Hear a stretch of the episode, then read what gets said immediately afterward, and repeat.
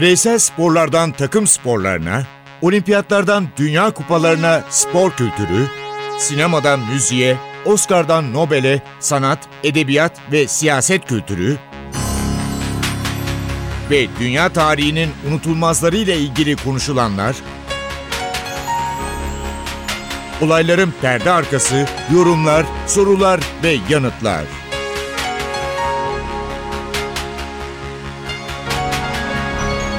Ercan Taner ve Mert Aydın'la Ateş Arabaları başlıyor.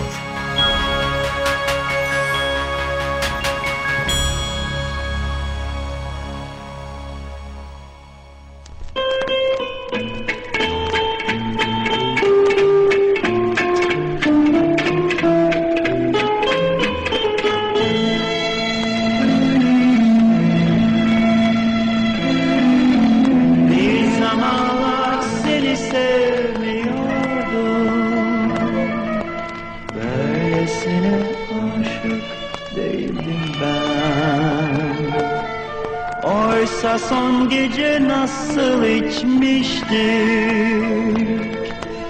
Ayrılık saati gelince Bu ne yalan dünya? Gün günden daha zor ve gün günden daha merhametsiz. Ne rahat var ne sen nerede eski günler gel bir daha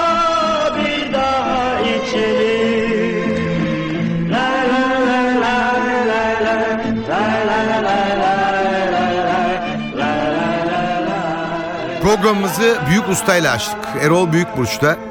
Türk popu onunla zirveyi tanıdı. Binlerce plak sattı o yıllarda. Ve günümüze kadar birçok nesil onun sesini duydu. Ustanın karşısında saygıyla eğiliyoruz. Hakikaten de e, bizden önceki kuşakların özellikle belki de pop müzikle ya da o zamanki deyişle Ercan abi e, Türkçe sözlü hafif müzikle tanışmasının herhalde en önemli isimlerinden bir tanesi. Mimarlarından biriydi. Mimarlarından bir tanesi evet. Çok net olarak söyleyebiliriz bunu. Maalesef tabii son dönemde alakası işte bir takım yarışma programlarında çıkan tartışmalarla adı daha fazla anıldı ama belki de yeni kuşaklara onu daha iyi anlatmak lazım. Onun e, nasıl bir insan olduğunu, neler yaptığını ve Türk pop müziğinin gelişimini nasıl sağladığını birçok meslektaşı belki de onunla hiç karşılaşmamış birçok meslek genç meslektaşı o cenaze törenine geldi ve orada bunları söylediler. Bir de benim tabii çok aslında yine hüzünlü e, söyleyeceğim şeyler var. Ben aslında Erol Büyükburç'u ilk canlı olarak böyle net televizyondan değil canlı olarak okul zamanımda görme şansına sahip oldum. Çünkü kızı rahmetli Ajlan e, rahmetle analım onu da. E, o da benim okul arkadaşımdı. Yani aynı dönemde e, ortaokul ve liseyi okuduk. Ben A şubesindeydim o B şubesindeydi ve bize zaman zaman hakikaten o çok güzel sesiyle konserler verdiği de olurdu. E, Erol Büyükburç'u da okulda görme şansını kızı sayesinde yakalamıştık. O da e, Ajlan da çok talihsiz bir trafik kazası sonucu çok genç yaşta Maalesef maalesef. 20'li yaşlarında hayatını kaybetmişti. Dediğim gibi o da çok iyi caz söyleyen e, çok müthiş bir sese sahip bir e, isimdi. Allah rahmet eylesin diyelim. Bu tip insanların yerleri kolay dolmuyor Ercan abi. Hatta Doğru. hiç dolmuyor. Hani kolay dolmuyor demeyelim hiç dolmuyor. Bunlar Giden çünkü gelmiyor. öncü Ercan abi bir de şöyle bir şey var. Şimdi gelenler e, itirazım yok hani aralarında çok çok iyiler de var ama e, galiba biraz daha hayatları kolay. Bu aslında hepimiz için, bütün meslekler için geçerli. Yani bazı şeylerle işte o e, stüdyo olanaklarıyla biraz daha kolay yapılıyor ama işte 50'lerde, 60'larda, 70'lerde bu işi yapanlar biraz daha tırnaklarıyla duvarları kazıyarak ve gerçekten yetenekleriyle belli bir yerlere geldiler. Bu hafta sevgili dostum iki kulübümüzün doğum günleriydi. Bir tanesi Ankara'nın Güzide Kulübü Gençler Birliği. Aradan 91 yıl geçmiş. Ve bir tanesi de iki dönem görmüş. Hem Osmanlı dönemi hem günümüz Türkiye Cumhuriyeti dönemi. En eski kulübümüz Beşiktaş. Şöyle bir baktım Beşiktaş'a. E, 100. yılını biliyoruz Beşiktaş'ın. Ama 100 yılın üzerinden de bayağı süre geçiyor. Evet. Ve Mart ayında kurulan, doğum günü kutlanan Beşiktaş'tan biraz bahsetmemiz lazım. Abdülhamit dönemi. Serence Bey semti İstanbul. 22 tane genç oturuyorlar. Biz bir kulüp kuralım diyorlar. Tamam kulüp kuruluyor da Abdülhamit döneminde çok sıkı takip altındasınız. Jurnalciler var. Jurnalciler var, hafiyeler var o zamanki deyimle. Ve diyorlar ki padişaha kadar geliyor. Gençler toplanıyorlar. işte konuşuyorlar. Nasıl olur böyle bir şey falan diyor. Derhal diyor takip ediniz. Ne oluyor bakınız. Gençler spor yapıyorlar. Bu sefer padişah da destekliyor. Onlar diyor spor yapıyor. Destekleyin diyor. Ve Balkan Savaşı var daha sonraki dönemde. Birçok tarihçiye göre kulübün ilk renkleri siyah beyaz olarak değerlendiriliyor. Balkan Savaşı'nda belki de takımın çoğunun şehit olması sebebiyle kırmızı beyaz olan renkler siyaha dönüyor. Siyah beyaza dönüyor. Ama e, bu konu yine birçok tarihçi tarafından araştırılmış ve konuşulmuş. Ben hemen onunla ilgili bir not söyleyeceğim. Mehmet Şamil Bey var. Beşiktaş Kulübü'nde. Eğitimini de Fransız Mektebi'nde e, görüyor. Bizler diyor bir rozet yaptırmalıyız. Ve kulübümüzde spora de, devam eden her üyeyi bu rozeti taşımaya mecbur etmeliyiz diyor. Toplantıya katılanlar Mehmet Şamil Bey'in teklifini oy birliğiyle kabul ediyorlar. Toplantının sonunda rozette yer alacak kulüp renkleri de karara bağlanıyor. Ve doğanın bütünüyle birbirine iki zıt rengi var. Biri siyah, biri de beyaz. Rozet böyle seçiliyor. Siyah ve beyaz olsun deniyor. Ve Beşiktaş'ın ilk rozetinin yapıldığı tarihe baktım. Fransız mektebi o zaman. Fransızlar rozet takıyorlar ve tabii ki ondan bir etkilenme meydana geliyor. 1906 yazıyor miladi yıl olarak. İlk rozetin yapıldığı tarih. Evet. Beşiktaş yazarken işte solda J, sağda K harfleri yer alıyor. Rozetin hemen arka yüzünde Konstantinopolis'te yapıldığı yazılıdır. Gayrimüslim biri tarafından yapıldığı için Konstantinopolis diye rozetin arkasında yazılıyor. Ve rozetin mührü var. Şimdi bu rozet nerede?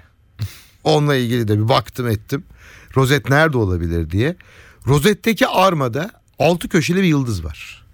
Ve ikinci meşrutiyet biliyorsun 1908'e kadar devam ediyor. Bu rozette altı köşeli yıldızı kullanıyorlar. Ama bu rozet İskender Yakak tarafından daha sonra Beşiktaş'ın merhum onursal başkanı Süleyman Seba'ya hediye ediliyor. Umarım e, Beşiktaş'ın müzesindedir. İlk rozet bu çünkü. Ya tarihten bir yaprak. Fakat e, şu var. E, ara Osmanlıca Beşiktaş diye yazıyor rozetin üstünde. Daha sonra onun belki hatırlarsın Beşiktaş Kulübü 100. yıldan sonra çıkarttı o rozetin aynısını. Evet. Ya da Beşiktaş'ın Kartal Yuvası mağazalarında var mı yok mu uzun süredir hiç bakmadım. Sen dikkatini çektin Evet. bilmiyorum. Ama e, öyle bir rozet. Beşiktaş tarihi derken tabii ki şerefler, şeref beyler, baba hakkılar, Süleyman Sebalar her zaman ayrı yerler tutarlar. Daha birçok isim var. Ama İnönü Stadı'nın açılışı ve o açılışta da merhum Süleyman Seba'nın attığı gol var. Evet. Ve daha sonra da bu kulübün unutulmaz başkanlar arasına giriyor. Ya doğum gününden böyle esintiler veriyoruz. Evet. Ben Şeref Stadı'nı yaşadım. Eski Çırağan Sarayı. Evet. O Çırağan Sarayı Ben de so- ye- gittim. Yani Şeref Ben Stadı'na bayağı maça gittim, gittim. ama tabii siz babadan Evet. mecburen antrenmanlara. Enteresan top denize kaçtı mı gittin. Onu söyleyeyim Şeref Stadı'nda. Toprak bir zemin. Bayağı da gezmiştim o zaman. Tarihe merakım zaten o zaman ortaya çıktı herhalde. Öyle tahmin ediyorum. Çırağan Sarayı'na da baktığımda yanmış bir saray. Evet, evet. Osmanlı'da ve öyle bırakılmış. Kale arkası türbünün Evet. arka tarafının tam arkasındaydı. Tam arkasında Evet. yanmış bir saray. E şimdi nihayet e, tamam yapıldı edildi işte otel oldu ama e, o saray acaba tekrar eski haliyle yapılabilir miydi? O sarayın anısıyla ne dersin? Aklımdan da geçmeli değil. İşte sarayın anısına otel yapıldı. Saray gibi bir otel yapıldı öyle söyleyelim. Benziyor. Evet. Benziyor. Evet. Yani şunu söylemek lazım. Senin de bahsettiğin gibi e, Beşiktaş Jimnastik Kulübü adıyla kurulan bu kulüp daha sonra hani üç büyükler adıyla anılan Fenerbahçe ve Galatasaray ile birlikte üç büyükler adıyla anılan grubu oluşturan ekiplerden bir tanesi. Ve de niçin bu kulüpler üç büyükler adıyla anılıyor? Sadece şampiyon oldukları için değil, Türkiye'nin her noktasında birer taraftarı olduğu için, binlerce, tar- yüzlerce taraftarı olduğu için, Anadolu'nun her tarafına yayılmış taraftar gruplarına sahip oldukları için böyle anılıyorlar ki o dönemde 20. yüzyılın e, o döneminde hiçbir şekilde televizyon gibi bir imkan yok. Tabii canım. İnternet gibi imkan yok. Hani seyretmedikleri hatta belli bir döneme kadar radyodan bile dinlemedikleri takımları tutmaya başlamaları insanların da o da çok enteresan. O da ayrıca herhalde araştırılması gereken noktalardan bir tanesi. Ama Beşiktaş'ın e, çok önemli başarıları var. Çok önemli şampiyonlukları var. Senin biraz önce bahsettiğin çok değerli futbolcuları ve e, yöneticileri var. E, bütün kulüpler gibi ve bunlar e, Türk futbolunda bugün sadece Beşiktaş adına değil Türk futbolu adına da önemli isimler olarak adlandırılıyorlar. İşte bir Şükrü Güles'in bugün Avrupa futbolu ile ilgili, İtalyan futbolu ile ilgili bir kitap yayınlansa, bir şeyler yazılsa mutlaka içinde ismi geçen e, futbolculardan bir tanesidir. Evet. Beşiktaş'ın simge isimlerindendir ama aynı zamanda İtalya'da da çok önemli bir iş yapmıştır. Yanlış hatırlamıyorsam 17 ya da 18 gol attığı bir sezon var ama o sezonun gol kralı normalde İtalya Ligi'nde 17-18 gol gol krallığı için yeterlidir ama o sezon e, biri çıkıyor 30 gol atıyor. O yüzden Şükrü Güles'in geride kalıyor. Yoksa belki de gol krallığını oynamış. Şükrü Gülesin deyince de kornerden attığı golleri de söyleyelim. Şimdi. Evet. Şimdi teknik direktör ve yorumculuk yapan Mustafa Denizli'nin de kornerden çok Evet. gol attığını hatırlatalım. O golleri özledik. Mustafa Denizli'nin gollerini hatırlıyoruz. Ben kaçırdığı gol hatırlıyorum. Yani kornerden gol kaçırılır mı ya? Onu, onu bile hatırlıyorum ben yani. kornerden Atılan gol ayrı da kaçırıyordu. kornerden gol kaçırıyordu.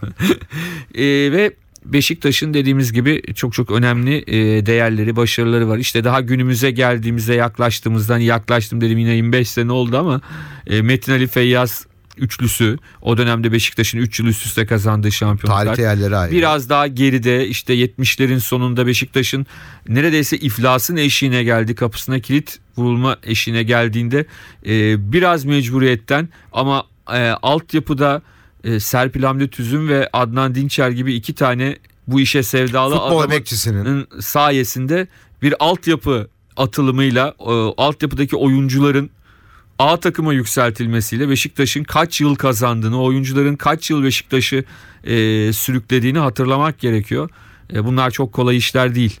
E, bunlar bazen mecburiyetle de olsa yaşanmış işler.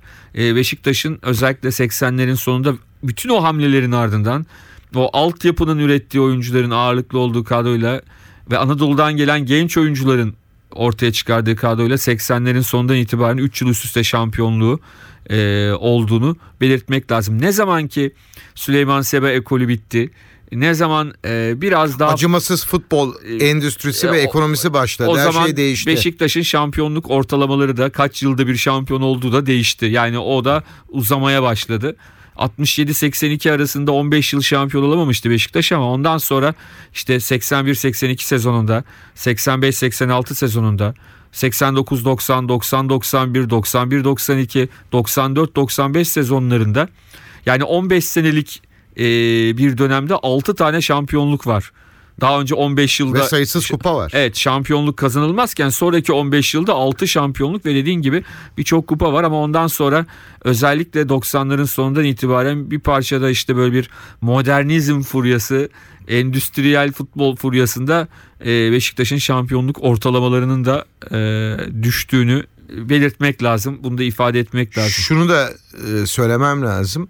1903 yılında Mart'ta kurulan Beşiktaş 13 Ocak 1910 tarihi önemli bir tarih bu. Türkiye'de kuruluşu tescil edilen ilk spor kulübü oluyor. Artık siz spor yapabilirsiniz. Bir kulüpsünüz ve biz de tescil ediyoruz deniyor. Tarih 13 Ocak 1910. Tabii şunu dinleyicilerimize hatırlatmak lazım. Şimdiki dönemle e, o dönemi şöyle karşılaştırmak çok e, enteresan oluyor.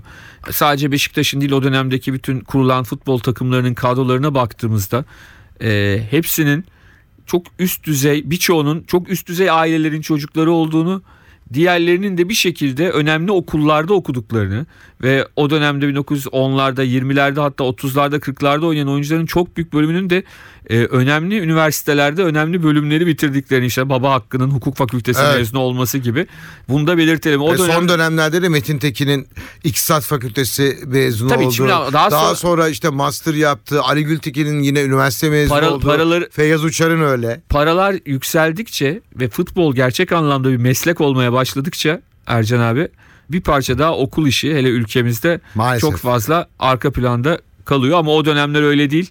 E, o ilk dönemlerde işte paşa çocukları, e, üst düzey ailelerin çocukları ya da iyi okullarda okuyan çocukların bir anlamda hobisi ve amatör olarak boş vakitlerini geçirmek için kullandıkları bir iş, e, bir şey ama o arada o hobilerini işte bir kulüp haline getirerek de aslında Türk sporuna farkında olmadan belki de inanılmaz bir şekilde yön vermişler. Biraz müzik diyelim şimdi. Diyelim istersen. yine eskilere gidelim. Yine bir Türk popunun önemli isimlerinden birine gidelim. Fikret Kızıloğa. Çok güzel bir şarkı geliyor o zaman. Bu kalp Bir seni... de doğum günü Beşiktaşlara da bütün dinleyicilerimize de hediye edelim. Evet. Bu kalp seni unutur mu? Yıllar geçse de üstünden Bu kalp seni unutur mu? Kader gibi istemeden Bu kalp seni unutur mu? Bir hasretlik yüzün vardı içinde bir hüzün vardı Söyleyecek sözün vardı bu kalp seni unutur mu? Bu kalp seni unutur mu? Kalbim seni unutur mu? Bir hasretlik yüzün vardı, içinde bir hüzün vardı. Söyleyecek sözün vardı. Bu kalp seni unutur mu? Bu kalp seni unutur mu? Kalbim seni unutur mu? Anlamı yok tüm sözlerin Sensiz geçen gecelerin Yaşanacak senelerin Bu kalp seni unutur mu? Bambaşka bir halin vardı Fark etmeden beni sardı Benliğimi benden aldı Bu kalp seni unutur mu? Bu kalp seni unutur mu? Kalbim seni unutur mu? Bambaşka bir halin vardı Fark etmeden beni sardı Benliğimi benden aldı Bu kalp seni unutur mu? Bu kalp seni unutur mu? Kalbim seni unutur mu? Bana aşkı veren sendin. Sonra alıp giden sendin. Yollarımız ayrı derdin. Bu kalp seni unutur mu? Oysa düşlerim başkaydı Birdenbire yarım kaldı. Yaşanacak çok şey vardı Bu kalp seni unutur mu? Bu kalp seni unutur mu? Bu kalp seni unutur mu? Oysa düşlerim başkaydı Birdenbire yarım kaldı Yaşanacak çok şey vardı Bu kalp seni unutur mu? Bu kalp seni unutur mu? Bu kalp seni unutur mu? Her gün akşam yastığımda Üşüyorum yokluğunda Yaşıyorum boşluğunda Bu kalp seni unutur mu? Bambaşka bir halin vardı Fark etmeden beni sardı Benliğimi benden aldı Bu kalp seni unutur mu? Bu kalp seni unutur mu? Bambaşka bir halin vardı Fark etmeden beni sardı Benliğimi benden aldı Bu kalp seni unutur mu? Bu kalp seni unutur mu? Bu kalp seni unutur mu?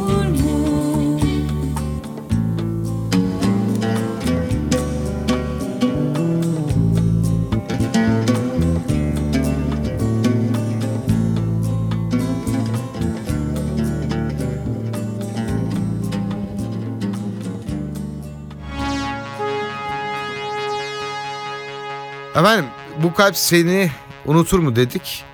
Kalplerin unutmadığı bir yere gidelim şimdi. El Clasico tarihine bakmamız lazım. El Clasico. Tam zamanı değil mi şimdi? Tam zamanı.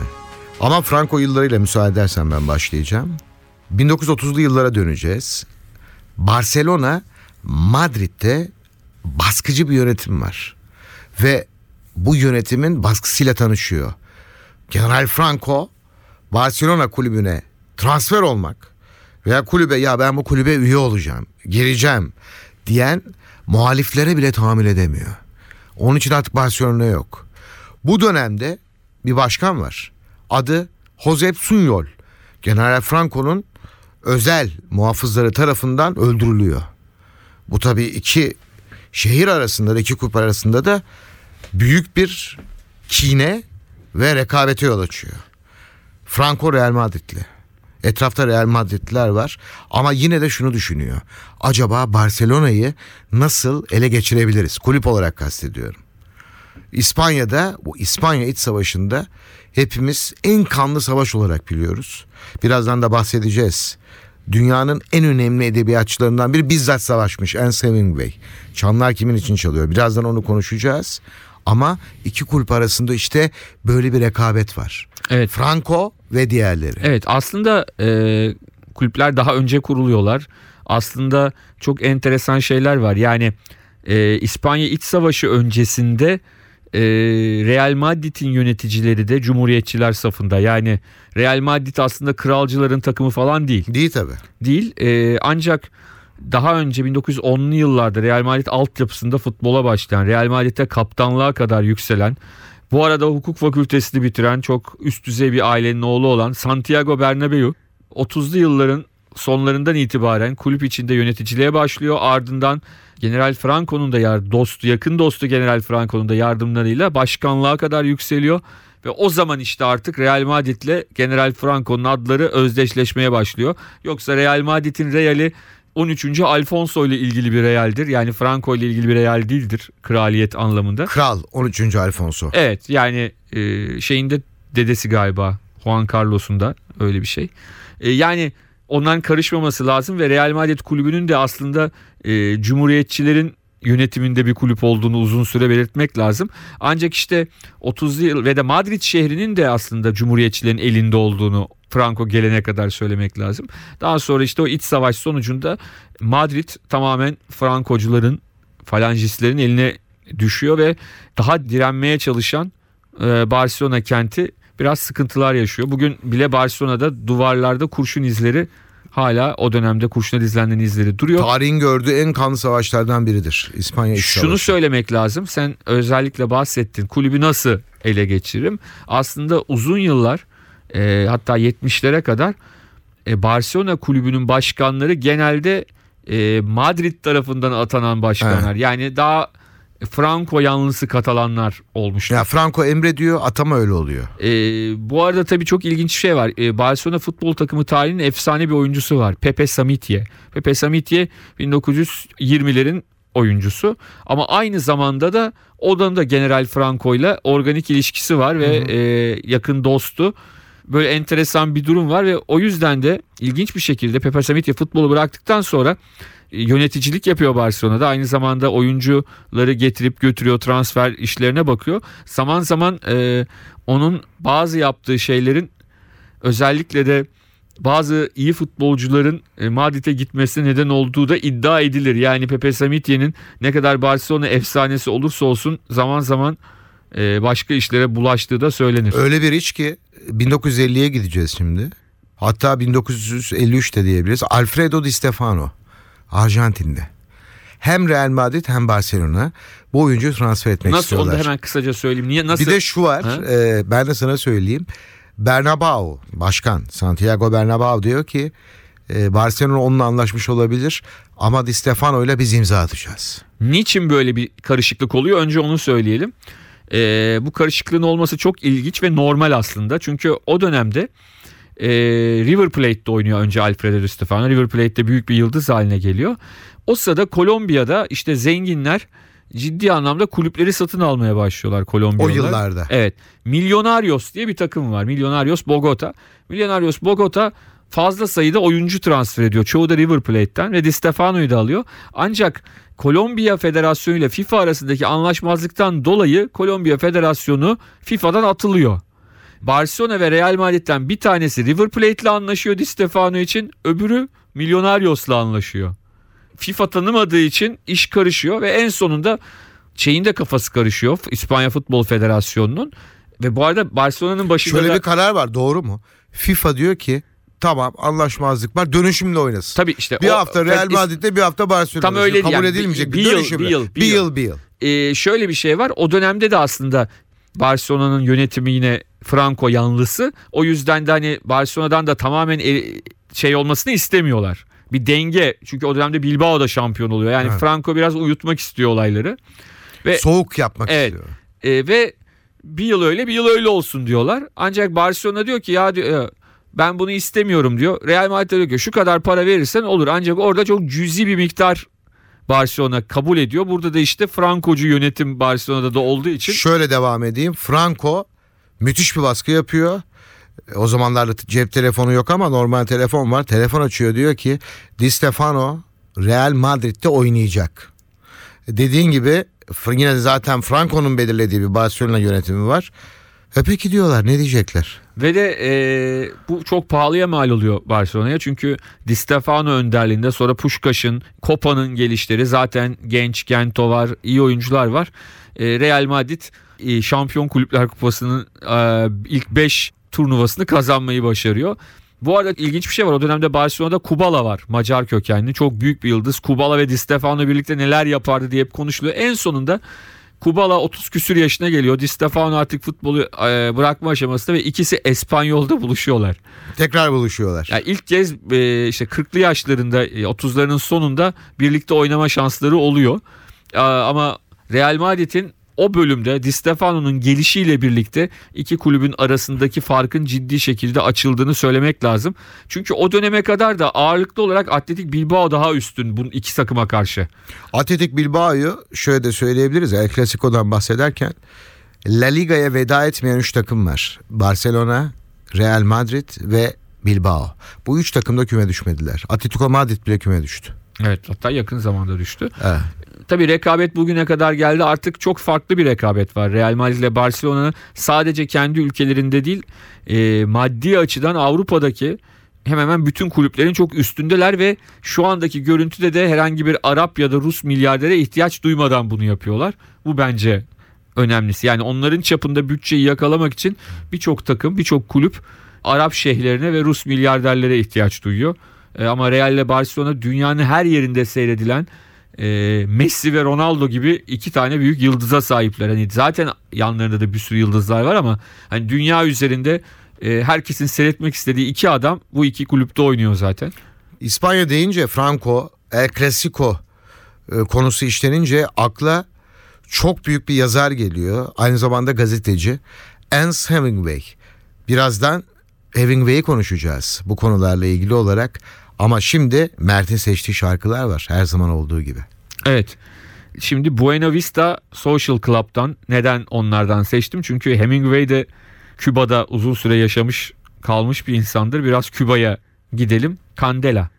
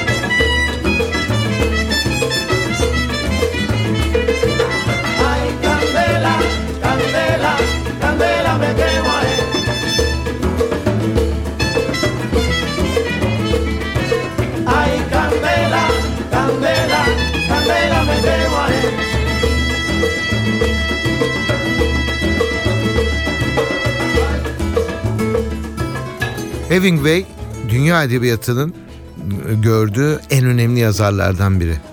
İşte kütüphanenizde Victor Hugo mutlaka vardır, Balzac vardır. Ama Hemingway de vardır. Ve Çamlar Kimin için Çalıyor kitabından biraz bahsedeceğim.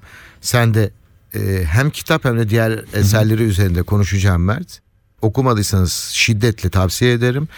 İspanyol İç Savaşı sırasında dağlarda Frankoculara karşı savaşan güçleri Amerikalı bir İspanyolca profesörü olan Robert Jordan'ın izlenimiyle hem izler hem yazar ve ana fikri budur. Savaşın anlamsızlığını sorgulamaktadır Ernest Hemingway Evet. yazdığı kitapta. Filmi de çok büyük bir filmdir. Gary Cooper'ın başrolünde oynadığı o da seyredilmesi gereken bir klasiktir. E, kitap hakikaten çok özel bir kitap. Özellikle benim çok etkilendiğim bir bölümü vardır. Bir küçük bir kasaba belediye başkanı Frankocu küçük kasabayı cumhuriyetçi bir grup alır ve ondan sonra belediye binasında rehin kalan, belediye binasından çıkamayan kasabanın zenginleri, Frankocu zenginlerinin tek tek o binadan çıkıp idama götürülüşleri inanılmaz. O kadar güzel anlatır ki yani hakikaten siz de hem cumhuriyetçilerle birlikte o adamların yaptıklarını görüp adamlara sallarsınız onunla birlikte. Hem de o adamların yerine kendinizi koyup üzülürsünüz o adamlar için. Yani orada yaşayacak biraz sonra yaşayacakları için hakikaten çok Dediğini destekleyecek bir cümlem var. Romandaki tüm karakterler Hemingway meydana getirdiği ki Hemingway savaşın içindedir. İspanya İç Savaşı'na bizzat katılmıştır.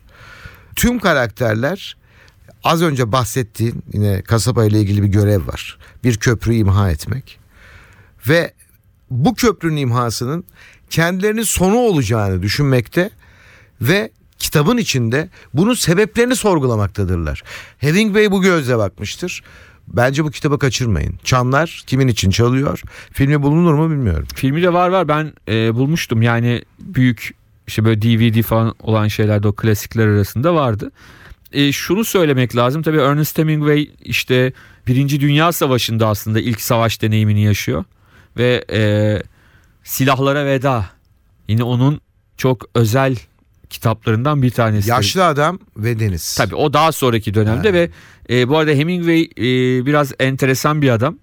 Özellikle işte eşlerine karşı davranışları biraz şiddet Ha. içeren ve en sonunda da e, aslında serveti inanılmaz bir servete sahipken parasal Hiçbir problemi yokken mali en anlamda. azından kağıt üzerinde hiçbir problemi Mali yokken, anlamda diyor. Evet mali anlamda tüfeğiyle kendini vurup Evet. hayata gözlerini yummuş enteresan da bir adamdır. E, Ernest Hemingway. Ama bu kitaplar önemlidir. E, Van Gogh'u da biliyorsun. Kulağını kesip. E, bazı problemler oluyor demek ki. Evet. E, beyin çok çalışınca inanılmaz 2-3 katı ortaya böyle şeyler çıkabiliyor derler psikiyatristler zaman zaman. Ya dünyadan mutlu olmuyor. Herhalde herhalde. Hemingway'de de böyle bir problem var. Olabilir olabilir. Ya da sen kulağını kesip tablo yapar mısın? Van Gogh gibi yapmazsın tabii. Ama onun Gauguin'in de kulağını kesmeye kalkması gibi bir durum var yani. O Var, kurtarmış var. kendisini. Evet. Evet. Yine çok güzel bir parça var. Evet. e, bu kez artık Latin çalmayacağız ya da Türk çalmayacağız. Bu kez e, önemli bir grup. Türkiye'de de konser vermiş bir grup. U2'dan Sunday Bloody Sunday. Ve programımızın sonuna geldik. Ben Ercan Taner. Ben Mert Aydın. Hepinize mutluluklar diliyoruz. İyi günler. Hoşçakalın.